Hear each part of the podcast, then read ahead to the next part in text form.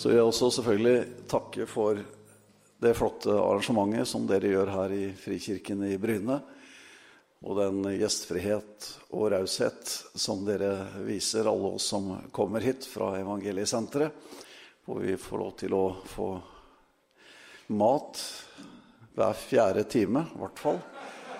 Eh, og alle som da har eller tenker på diett og, og, har noen planer for hvordan inntak av mat skal være for noen uker, de går på en smell når de kommer hit hver eneste gang.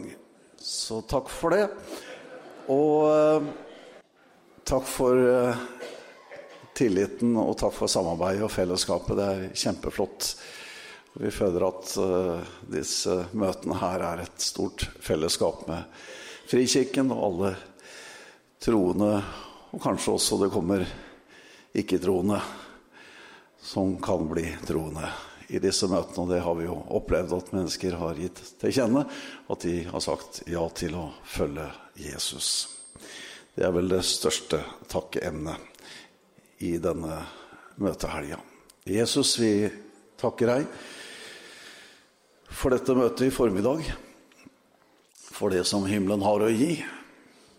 La det være åpne hjerter og åpne sinn.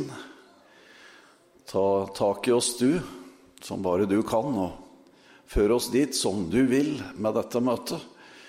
Vi la din vilje skje i dette møtet, og la ditt rike komme midt iblant oss i formiddag, Herre. I kraft av Den hellige ånd og ditt eget ord. Amen. Jeg eh, er eh, som sagt eh, veldig spent i formiddag. Det er jeg for så vidt bestandig, men spesielt i dag. Vi skal innom tre steder i, Bibelen. Vi skal begynne i Johannes evangeliet og det tredje kapitlet. Jeg forkjente jo også ut ifra det her på fredag kveld. Vi skal bare gå litt uh, lengre fram i samme kapittel. Og uh, der er det en som uh, ønsker å snakke med Jesus. Og hans navn er Nikodemus, og han er ikke hvem som helst, men han er en som sitter i rådet og er en meget eh, forstandig og kunnskapsrik mann. Vi leser der fra vers 1. Det var en mann blant fariseerne som het Nikodemus. Han var en av jødenes rådsherrer. Han kom til eh, Jesus om natten og sa til ham, 'Rabbi, vi vet at du er en lærer kommet fra Gud.' For ingen kan gjøre disse tegnene som du gjør, uten at Gud er med ham. Han eh, kommer som kanskje de fleste av oss kan gjøre av og til. Vi kommer ikke bare på vegne av oss selv, vi presenterer oss på vegne av en del andre. Så her eh, sier han 'Vi vet', sier han, Nikodemus, som er eh, rådsherre for fariseerne, at det du gjør av tegn, det tilsier at Gud er med deg. Og det var jo en eh, konklusjon og en bekjennelse. Og så tenk, Jeg vet ikke hva Nikodemus egentlig tenkte med dette treffet på nattestid. Han tenkte kanskje her møter jeg en lærer på lik linje med meg selv på mange måter, og skal bli interessant å få dele kunnskap osv. Og, og jeg tror at Nikodemus fikk litt mer å tygge på i den samtalen her enn det han egentlig var klar til eh, den eh, natta. For Jesus han uh, serverer jo Nikodemus det som er hovedspørsmålet, og det er jo hvordan få del i Guds rike. Og da sier Jesus dette om å bli født på ny. Født på ny ved Den hellige ånd. Og Nikodemus, med all sin erfaring og kunnskap, eh, har da et bidrag inn i samtalen som mer er et spørsmål hvordan kan et menneske bli født når han er gammel? Kan vel en bli født for annen gang ut av mors liv? Det var det eneste kunnskapen Nikodemus hadde om fødsler. Så han var ikke med på den bølgelengda. Han og Jesus sto på helt vidt forskjellige steder. Og det er noe med at Guds rike appellerer ikke til intellektet, men Guds rike appellerer til hjertet. Guds rike responderer på behov og ikke på en intellektuell eh, samtale om en viss type kunnskap, fordi at dette Guds rike overgår all kunnskap. Det er større enn alt i denne verden. Så skal du bli kobla til dette himmelske riket, så er det bare én måte å bli kobla på, og det er via Den hellige ånd, og noe som skjer her inne. En fødsel av Den hellige ånd. Og der var ikke Nikodemus til stede i sitt hode, og han forsto det ikke. Han forsto det ikke. Og så går Jesus videre her.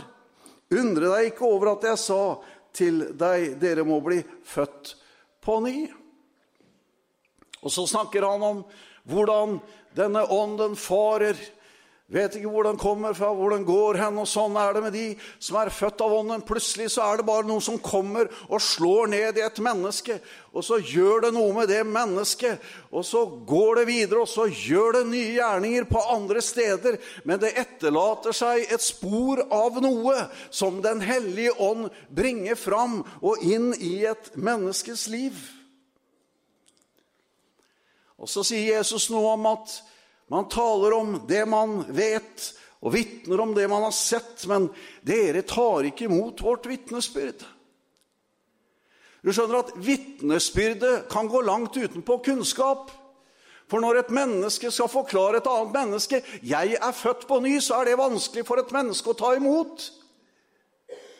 Men det er like fullt skjedd i det mennesket som har opplevd det i sitt hjerte. Så hvis du appelleres til intellekt, så vil det aldri treffe. Men hvis det treffer et behov i et menneske, så vil et vitnesbyrd ha en veldig stor virkning. Så jeg er veldig glad for at Guds rike det når inn der hvor det er behov. Der hvor behovet går foran det å forstå før noe skjer. Guds rike er sånn at det skjer, og så forstår jeg. Amen. Det er det som er så godt med Guds rike. Derfor er det ikke en dåre som skal fare vill. For at når Guds rike kommer, så kommer det en sånn vei og på en sånn måte at det appellerer ikke til intellektet og kapasiteten til det enkelte mennesket, men det er noe som bare Gud kommer med inn i et menneskets behov som er åpen. Og så skjer det noe. Et mirakel, et under. Noen blir født på ny og får ta imot Jesus. Og så forklarer Jesus hele veien nedover her. Og den lille Bibel. Og snakker til slutt om dommen over det mørket som ikke vil ta imot lyset, og det mørket som hater lyset. Men de som kommer til dette lyset, det er de som vil vite sannheten. Det er de som ikke vil bedras lenger, det er de som ikke vil lyve lenger. Men de vil ha sannheten. Det er de Guds gjerninger åpenbares for til kunnskap. Og de forstår at det som skjer, er skjedd i Guds navn. Og Han forstår ikke dette med å bli født på Nikodemus. Og det siste vi hører han sier, er 'Hvordan kan dette skje?' Og så forteller Jesus om vitnesbyrdet, om seg selv, om at han skulle gis for hele verden, for at hele verden med ham skulle ha liv, skulle ha frelse. Og at Gud ikke kom for å dømme verden, men for å frelse verden.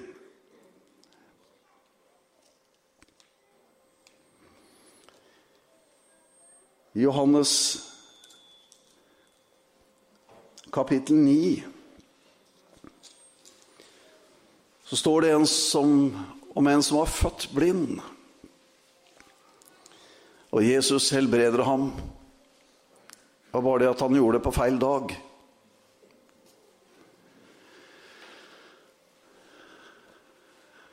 Han gikk litt utenfor ramma. Han gjorde det på en sabbat. Jødenes hviledag, da det ikke skulle foreta seg noe. Da de ikke kunne gå lenger enn en kilometer. Da alt var forberedt av det de skulle spise dagen føre. Og de skulle ikke gjøre noe arbeid, det skulle bare være en dag helliget Herren og helbreder mennesker på en sabbat. Det tolket de som å gå utafor ramma.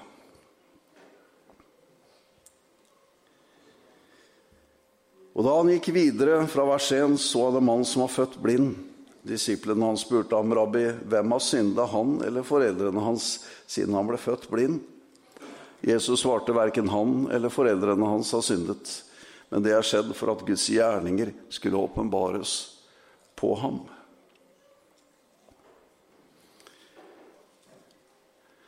Ja, vi er jo på leit etter årsaker og virkninger for at ting er som de er. Men her var det et behov en som var blind ifra fødselen av og måtte sitte og tigge til livsoppholdet. Leve litt fornedrende på andres veldedighet. Overgitt andre menneskes godhet og gave.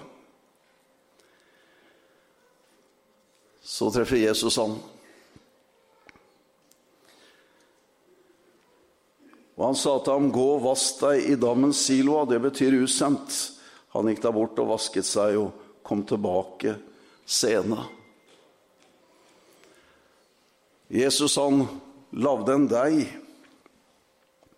av jorda, smurte det på øynene hans og ba han gå bort til dammens Siloa. Vask deg. Han gjorde det. Vet ikke hvordan han kom bort seg dit, til Silva, men det var vel noen som forbarma seg over å lede han dit. Han fikk vasket seg, og da han hadde vasket seg, så plutselig kunne han det som han aldri hadde kunnet. Han kunne se. Han slapp å sitte og tigge lenger. Han var arbeidsfør og kunne gjøre et stykke arbeid og delta på like linje med alle andre. Men det var som sagt på sabbaten. Og fariseerne, de var eh, på banen igjen. Det var noe som hadde skjedd utafor ramma. Så de lurte på hvordan det hadde skjedd, og han forklarte hvordan det skjedde. Og til slutt så hadde de vanskelig for å tro at han i det hele tatt hadde vært blind. Så de måtte få tak i foreldrene hans, som vitner på er dette deres sønn, og er det sånn at han er virkelig født blind. Og Foreldrene kommer og må stå for fariseerne der og, og si at ja, vi kjenner igjen sønnen vår. Han, han er født blind. Men nå ser han. Og hele tiden så vil de bare en eneste ting, og det er å få bortforklart hele greia. For det er skjedd utafor ramma. utafor det som er vanlig. Og på en merkelig måte med noe deig og borti en dam og vaske seg, og plutselig så ser man. Og så spør de hvem, hvem, hvem var den mannen? Hvem var han? Ja, Han så sier jeg, han må jo være i hvert fall en profet. Ja, men eh, Han gjør det på en sabbat. Han synder jo. Han er en synder, den som har hjelpa deg. Så sier denne som har fått synet Om han er en synder, vet jeg ikke, sier han. Men ett vet jeg. At jeg som var blind, nå ser jeg. For han så var det ikke interessant å prøve å bortforklare noe som helst. Han hadde hatt et behov og blitt møtt på behovet. Så for han så var det nok at han hadde fått begynt å se, som noe han aldri hadde gjort før. Så han skjønte ikke egentlig problemet. Hva er problemet her? Er det et problem at jeg ser noe? Og for hvem er det et problem at jeg ser? Det er ikke noe problem for meg. Det kan jeg bare si. Og for meg så kan det være det samme hvem han var. Nå ser jeg, og det er ikke noe problem for meg. Det er jeg veldig glad for. Jeg har aldri kunnet se før. Nå ser jeg. Og foreldrene var det heller ikke noe problem for, for da slapp de å se sønnen sin sitte der og tigge i en fornedrende tilstand overlatt til andres godhet. Så de jubla og fryda seg i sine hjerter, og de skjønte heller ikke hva er problemet. Det er skjedd utenfor rammen. Det er skjedd utenfor rammen her oppe. Det er ikke innenfor, det er utenfor. Ja, derfor står det 'utsendt' i den dammen. Det er utsendt ifra himmelen for å sprenge alle rammer, sprenge alle begrensninger. For å gjøre det umulige mulig. Halleluja. Hans navn er Jesus. Og så begynner denne som nå kan se For nå ser han jo folk, vet du, nå kan du se reaksjonen på dem. Så sa han grunnen til at dere vil vite så mye om denne mannen som gjorde dette mot meg, er det fordi at dere vil bli hans disipler, dere kanskje? Oi, oi, oi, da fikk en se reaksjon. Og høre det. Hei, vi er Mose-disipler. Vi, vi er ikke noe Jesu disipler. Vi vet at Moses taler fra Gud, men hvor denne mannen er fra, det vet vi ikke. Sier fariseerne. Og legg merke til hva den blinde sier nå. Mannen svarte dem. Det er da merkelig, sier han. Dere vet ikke hvor han er fra, enda han har åpnet øynene mine. Dere skulle jo vite det. Når folk går rundt og åpner øya til blindfødte, så var jo dere som dere skulle hatt fasiten her. Dere skal ikke stå og undre dere og spørre dere. Det er jo dere som har greie på himmelske ting, er det ikke det? Ting som er under og tegn og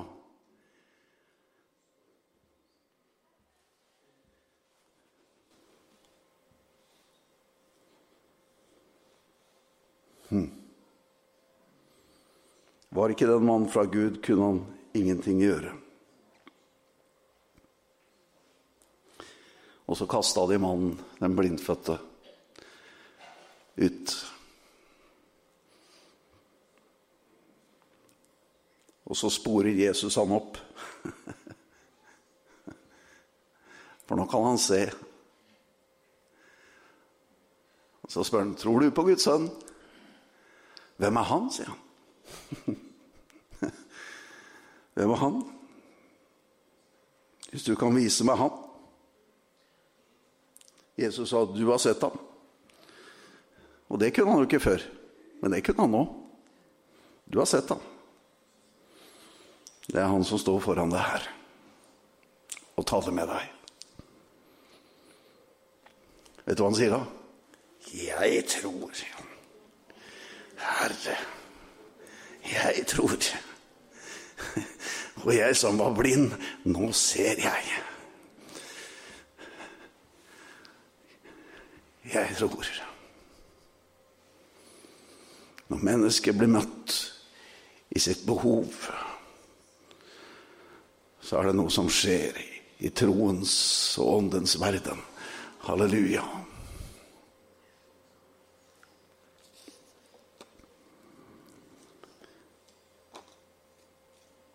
Skal vi til det siste skriftstedet i formiddag? I Apostlenes gjerninger, 26. kapittelet.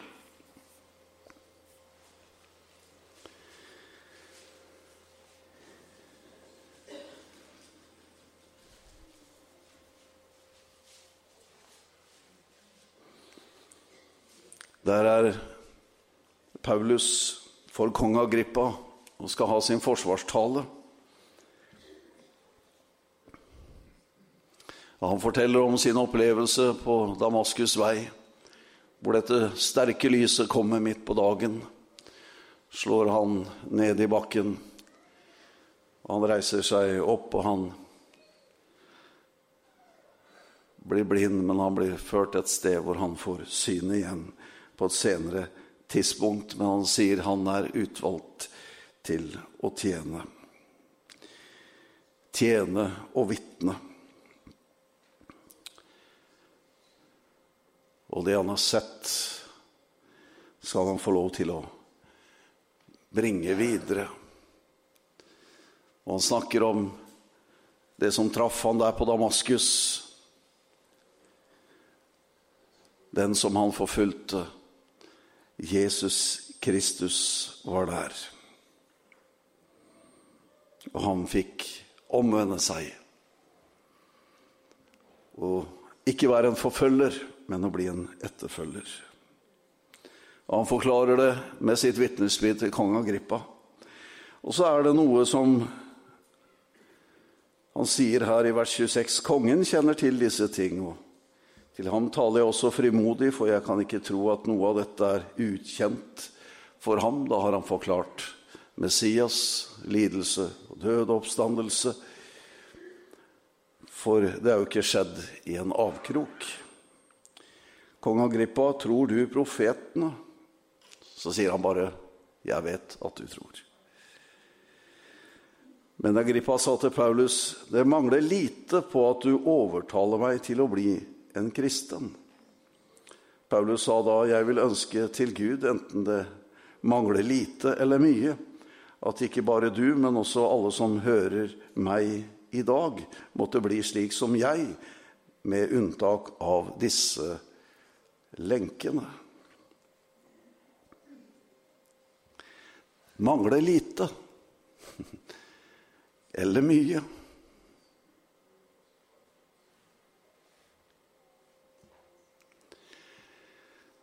Jeg er veldig glad for at vi fikk åpna et kontaktsenter til på mandag. Og da var det dette ordet som kom til meg. Og noen ganger så kan kom, ting komme veldig, veldig fort. Og med stor kraft. Og det gjorde det på denne mandagen når vi hadde åpning. Og jeg tenkte Hva er det noen ganger vi kjenner truer oss? Nikodemus måtte ta kontakt med Jesus og få liksom kontroll på hva, hva, hva var dette? Og Jeg vet ikke om han gikk derifra og kjente at han hadde grepet noe eller forstått eller hatt et større behov for Jeg tror han gikk med mer spørsmål enn svar den natten tilbake. Hva med disse fariseerne som møtte noe som helt satte til side alt hva de hadde konstruert, og alt hva de hadde riktignok fulgt? De følte det trua av noe som var skjedd utenfor ramma. Men jeg er veldig glad at vi kan få lov til å ha steder og møtepunkter hvor vi ikke føler oss trua av noe. Jeg opplever at vi har tro nok til at vi har rom for den tvilende. Hm. Jeg har heller problemer med de som aldri tviler. De kan være vanskelig å møte. Jeg kan heller ha forståelse med å møte mennesker som er kommet i tvil om ting. Det betyr ikke at de ikke har tro, men de tviler på ting. Men vi, i vårt fellesskap, representerer en stor nok tro til at det er rom for den som tviler iblant. Det er ingen trussel at noen tviler iblant. Nei, der er vi for å gi av vår tro. For å gi av vårt fellesskap. Så at de som en gang iblant tviler, ikke føler seg umiddelbart utenfor og ikke engang tør å si noe ærlig om noen av de tingene som det knaker litt med i livet.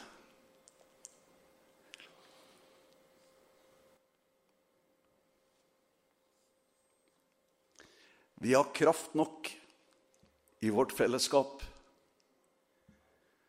midt iblant oss, så det er rom for den som er svak. Det er ingen trussel at det er svake iblant oss. Fordi midt iblant oss så er det én som er selve kraftkilden. Fordi at det handler ikke om at alt er forstått på forhånd, alt er grepet på forhånd. Vi kan komme til Jesus sånn som vi er, med den situasjonen vi har i livet, og vi kan bli møtt med dette guddommelige ovenfra i himmelen, som ikke alltid forstås på forhånd, men som det skjer noe i behovet der og da, som leder til en forståelse i etterkant. Tro handler ikke om å vite alt på forhånd. Tro handler faktisk om at det er sagt noe, og jeg er villig til å trå ut på det. Fordi at behovet mitt er så stort at jeg må bare ut og trå på det. Så evangeliet er ikke et kunnskapsløp, men det er et livsløp. Det er et samfunn det er noe som er født inn, og som du opplever dekker dine behov. Er mektig til å hjelpe deg i ditt liv.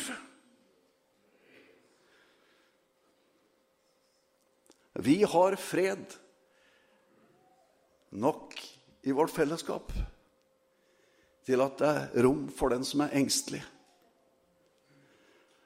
den som er bekymra. Vi begynner ikke å skjelve og føler oss trua om noen kjenner seg litt engstelige og bekymra for ting. Der er rom til at man kan komme og si jeg, jeg, jeg er bekymra for noe nå. Jeg er litt engstelig for ting. Ja, men du kan få lov til å komme her og kjenne i dette fellesskapet, så er det nok fred til at det er plass for deg. Du som har behov for å få sinnsro og hjertefred. Du som har behov for at det er et lyttende fellesskap og en Gud midt iblant som gir det som behovet er. Uten at du riktig forstår det til fulle, så kommer Gud, og så gjør han noe. Og så kan du ikke forklare egentlig hva som skjer, men det er bare en Guds tilstedeværelse og et nærvær som slår inn. Og så får du oppleve at sinn faller til ro, at hjertet får fred. Og at det er en mulighet i fellesskapet. At jeg slipper å gå alene med ting, men at jeg kan komme inn i et fellesskap hvor det er fred nok.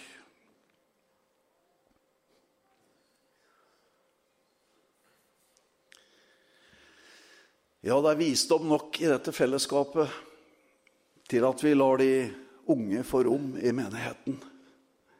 Vi føles ikke trua av ung kreativitet og pågangsmot og frimodighet. Og det er sånn at vi i 50-åra skjønner at det verken begynte med oss eller det slutter med oss, men at det kommer noen etter. Og vi opplever at vi har nok visdom i fellesskapet til at vi kan rettlede og veilede. Ikke kontrollere, men hjelpe og veilede frem. Unge mennesker som får noen ville ideer en gang iblant. Tenker tanker som er litt utenfor ramma noen ganger. Og som sier at eh, 'Nei, men dette har vi ikke gjort før'. Nei, men det er kanskje noe vi kan gjøre nå. Jeg tenker at vi har nok visdom til at vi ikke kveler ting, men at vi gir den næring og veiledning og vekst naturlig.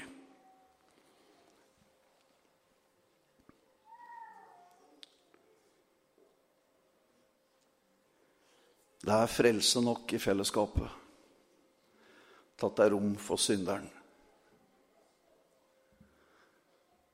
Det er herlig. Det er herlig. Vi føler oss ikke trua om det skulle komme en synder eller to.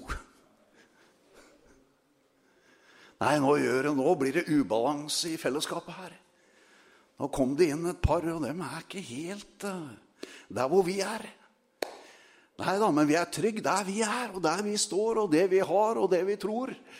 Vi er trygge der, så vi tåler det at det kommer eh, noen inn som ikke er helt der hvor vi er ennå. Men de skal få lov til å merke hva som er midt iblant oss. Det er dette her vi får lov til å oppleve på evangeliesenteret. Vi kan tenke at Oi, her kommer det veldig mange mennesker med mange ting i livet. Og det kan risikere å hvelve båten her. Men du skjønner at Gud har gitt oss noe i fellesskapet. Gud har gitt oss en mandat til å gjøre noe i menneskers liv. Ikke via absolutt intellektet. Ludvig var ferdig til å si at uh, det stopper omtrent her. Fordi at det sitter ikke der, men det sitter her. Og Bibelen snakker også om hjertets opplyste øyne, som gjør at vi får forstand på ting. Fordi det er her ånden virker i vårt indre, som gir opplysning til vår forstand.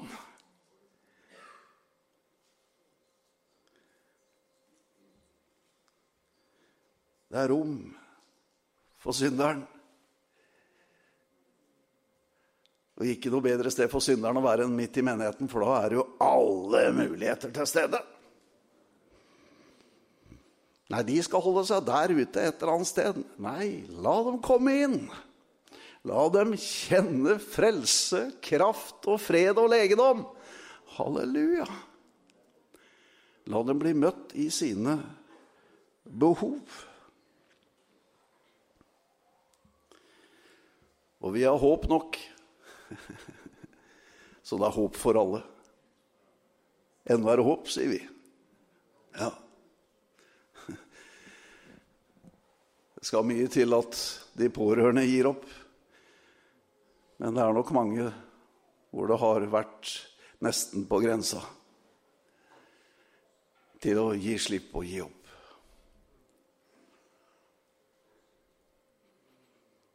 Men det er håp iblant oss. Så det er håp nok for alle som kommer. Uansett åssen situasjonen er, og hvordan det står til.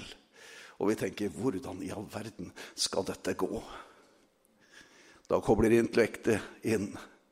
Men vi vet at han har dekket et bord framfor fiendens øyne. Og hvor fienden må bare se at midt i menigheten er det som metter alle menneskers behov. Og de som kommer inn i fellesskapet, de kan bli mettet. De kan få lov til å oppleve og få drikke av det levende vannet og aldri tørste igjen.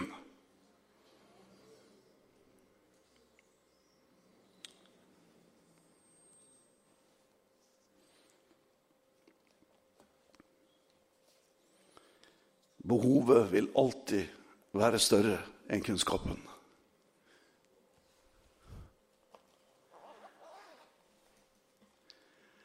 Vi har ikke svar på alt, og godt er det. Men vi bare står i undring og beundring.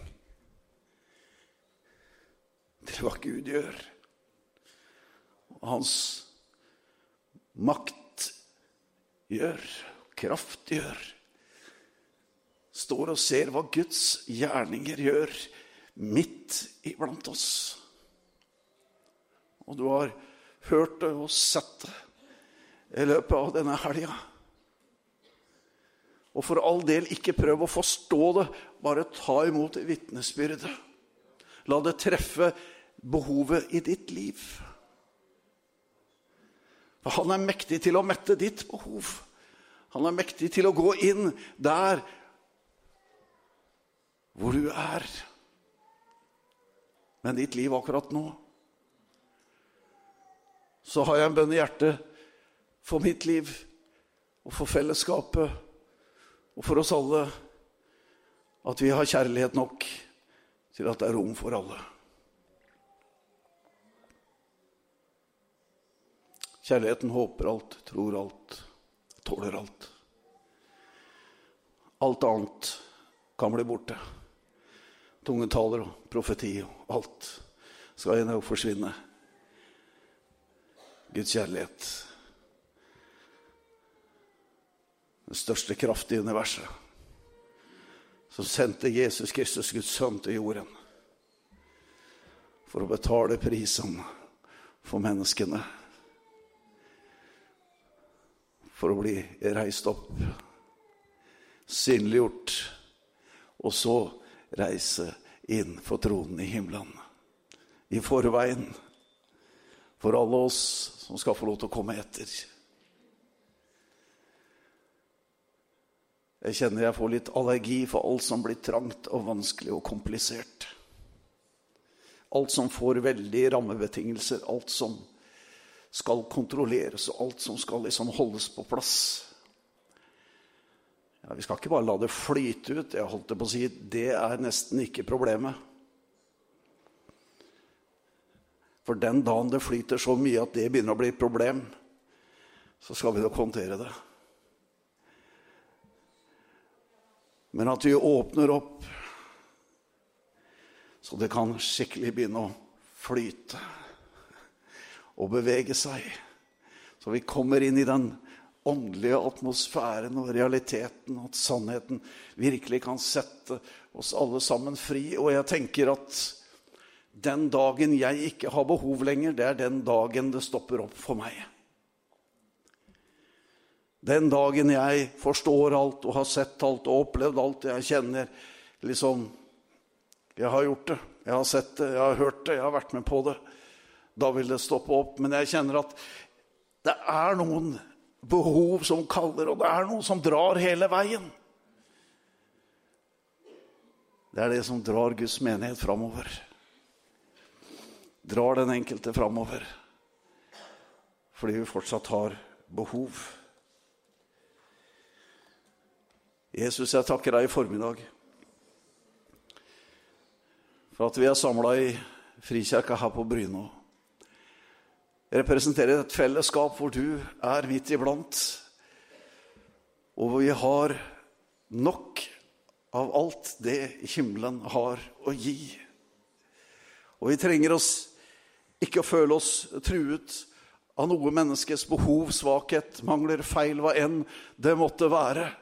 Vi er ikke her for å lage det perfekte fellesskapet, men vi er her for å ha det varme, inkluderende fellesskapet hvor Guds kjærlighet kan få lov til å slå til midt iblant, og hvor mennesker i all sin svakhet og skrøpelighet får lov til å kjenne en rikdom, en kraft og en styrke sendt ifra Gud i himmelen. At mennesker kan bli født på ny ved Den hellige ånd. At det er nok kraft i fellesskapet til å føde barn, at det er nok kraft i menigheten til å løse lenker og bånd, at det er nok kraft i dette fellesskapet til at menneskers behov blir møtt, og at man kan få lov til å vokse, at man kan få lov til å seire. og ha fremgang. Og ikke stillstand og tilbakegang, men at vi kan oppleve dette kallet som drar på oss, og som nøder oss til å gå enda noen skritt. Til å gå i tro.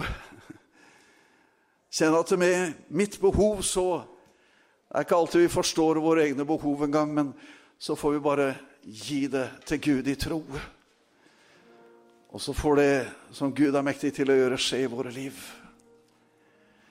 Så gir det oss enda en erfaringen, innsikt og forståelse av hvem Jesus Kristus er, og hva han gjør midt iblant oss. Jeg takker deg for at du kan døpe Den hellige ånd og ild i formiddag, Herre. Se lengtende sjeler, Herre. Du kan inspirere de uinspirerte, du kan engasjere de uengasjerte. Du kan styrke de svake, Herre. Du kan gi håp til de som ikke øyner håp, Herre. Du gir mot til de som kjenner motløshet, Herre. Du gir kjærlighet, kraft og sindighetsånd, Herre, inn i menneskers liv i formiddag, Herre. Takk for at vi kan komme med alle våre kar, alle våre behov. Alt hva vi behøver, Herre, det har vi i deg. Og takk at vi får lov til å kjenne det i formiddag, Herre. Erfare det i formiddag. Sånn er det. Jesus.